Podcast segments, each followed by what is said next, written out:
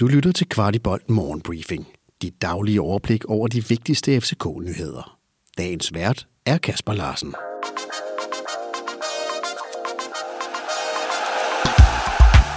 Tirsdag den 27. september. Og netop som transfervinduet er overstået, dukker der et nyt op. FC København var som bekendt ude efter en del nier i sidste vindue. En af dem var tyskeren David Selke, der til daglig optræder i Hertha Berlin. Han er 195 cm høj og er altså lidt lige Andreas Cornelius i statur. Vi endte som bekendt med at få Andreas hjem, men som Kvartibold hørte, er forbindelsen til det tyske stadig hot i forhold til at lande en aftale med Selke.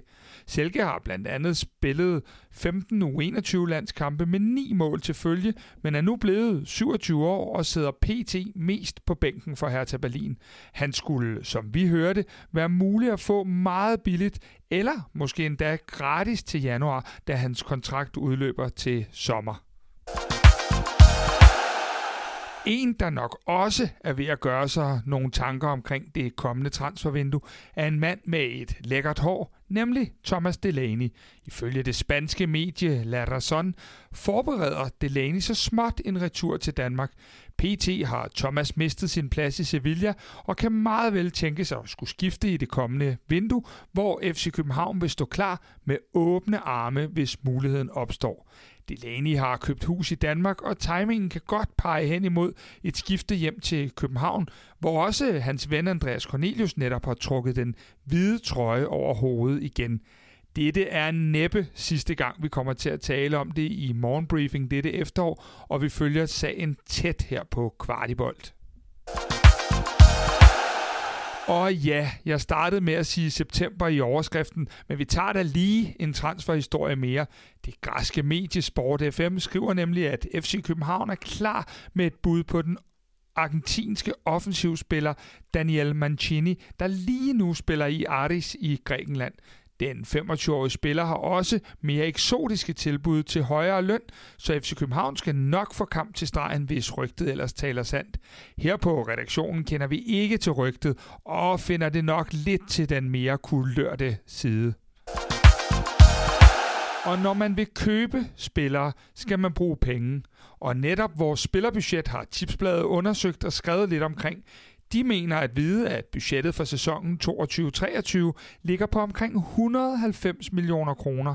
Tipsbladet skriver, at for eksempel Andreas Cornelius kostede det, der svarer til det meste af Horsens og Lyngbys trup. Den slags undersøgelser skal man naturligvis altid tage med lidt forbehold for flere ubekendte faktorer, men sjovt at læse lidt med trods alt.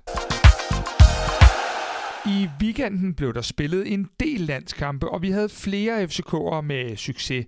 Således scorede Victor Claesson for Sverige mod Serbien. Claesson scorede til 0-1 i en kamp, Sverige endte med at tabe med hele 4-1. Island spillede testkamp mod Venezuela, og her blev Isak Bergman Johannesson matchvinder på et straffespark efter 87 minutter i en kamp, hvor Havkon Haraldsson startede for Island og fik, ja, 58 minutter inden han blev erstattet af netop Isak Bergman Johannesson.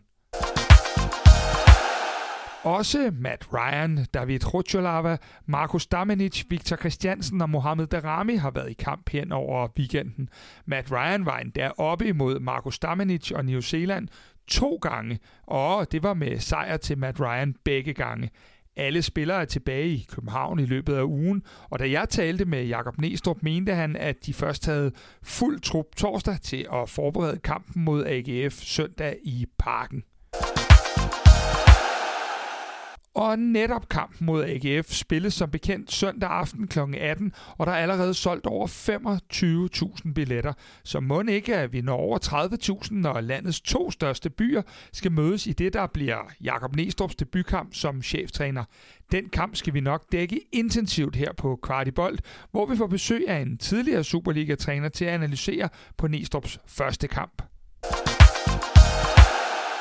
Da U17 og U19-holdet også har holdt pause, vil vi rent undtagelsesvis nævne vores U15-hold. Det er ikke normal kutyme her på Kvartibolt, da der sker så meget med drengene i de år, og derfor har vi valgt at følge med fra U17 og op. Men ingen regel uden undtagelse, og vores U15-hold vandt i weekenden med 5-0 over Randers, og har efter tre kampe to sejre og en uafgjort. En lille fun fact er, at en meget ung mand ved navn Abdul Darami kom på banen for FC København. Spændende. Du har lyttet til Kvartibolt Morgenbriefing. Vi er tilbage igen i morgen tidlig med byens bedste overblik over FCK-nyheder. Vi er meget interesserede i at vide, hvad du synes om vores morgenbriefing, og hvad vi kan gøre for at gøre den endnu bedre.